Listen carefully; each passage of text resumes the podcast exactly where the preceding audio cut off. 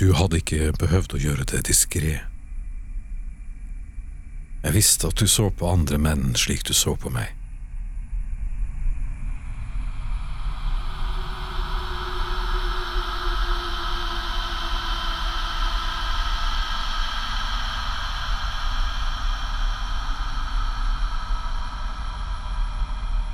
Jeg er for erfaren til å unnlate å se slikt, til å fornekte det. Og vet du, jeg kan leve med det også nå i ettertid. Jeg kunne fornemme det. Jeg så noen ganger et lite blaff i øynene dine. Det varte noen ganger bare et kort sekund. Andre ganger dvelte du skamløst og påfallende. Du kunne se en mann på en måte som fikk meg til å grøsse. Det varte bare et kort øyeblikk, men jeg så det. Så hvorfor nøt jeg deg også i disse øyeblikkene? Jeg har sett andre menn binde deg med blikket, og jo, jeg har sett det. For meg var det lett gjenkjennbart, fordi jeg er slik selv.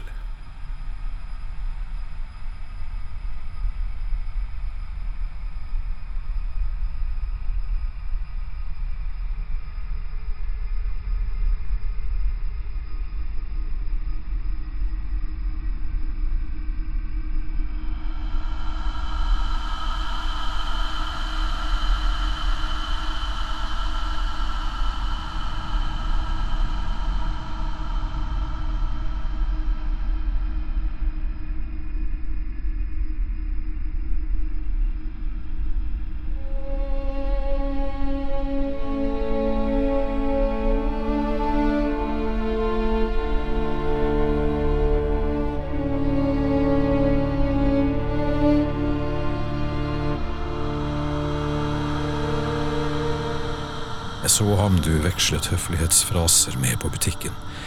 Han med den slitte gifteringen. Til tross for at han ikke kan ha vært mer enn høyst 30. Noe skjedde bak oss i køen. Han slapp oss forbi, dere utvekslet tre-fire replikker jeg knapt hørte. Og de stålgrå buksene hans satt noen sjalant, men tett over hoftekammen hans.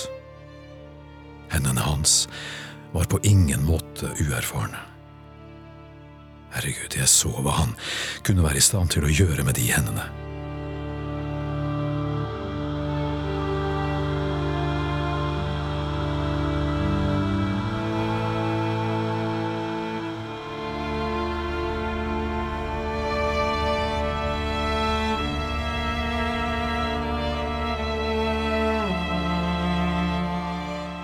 Jeg stirrer aldri, men jeg tar heller øyeblikksbilder av situasjoner med korte øyekast.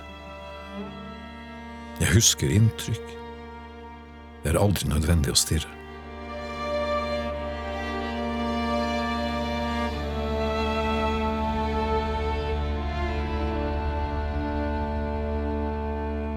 Det var aldri nødvendig å tolke hva slags avstikker du tok.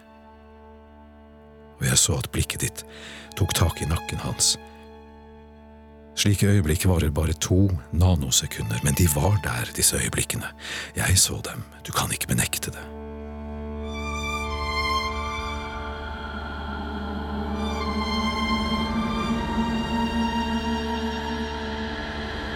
Men du skal vite at du ikke trengte å skamme deg. Jeg elsket deg dypt for skamløsheten din. Noen ganger når vi knullet, så så jeg deg i korte glimt med andre menn. Menn du har møtt, menn du kanskje skulle møtt, menn du kjenner, menn du ikke visste hvem var. Jeg eide deg ikke, det var heller ikke mitt mål. Du skjerpet sansene mine.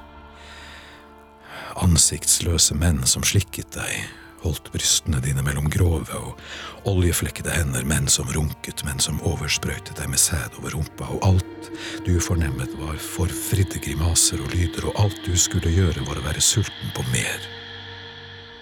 Ingen av tankene mine var sjalusi. Det var bare det at jeg elsket deg slik du var. Og da jeg fortalte at jeg kunne leve med det, ble også den tryggheten for mye for deg.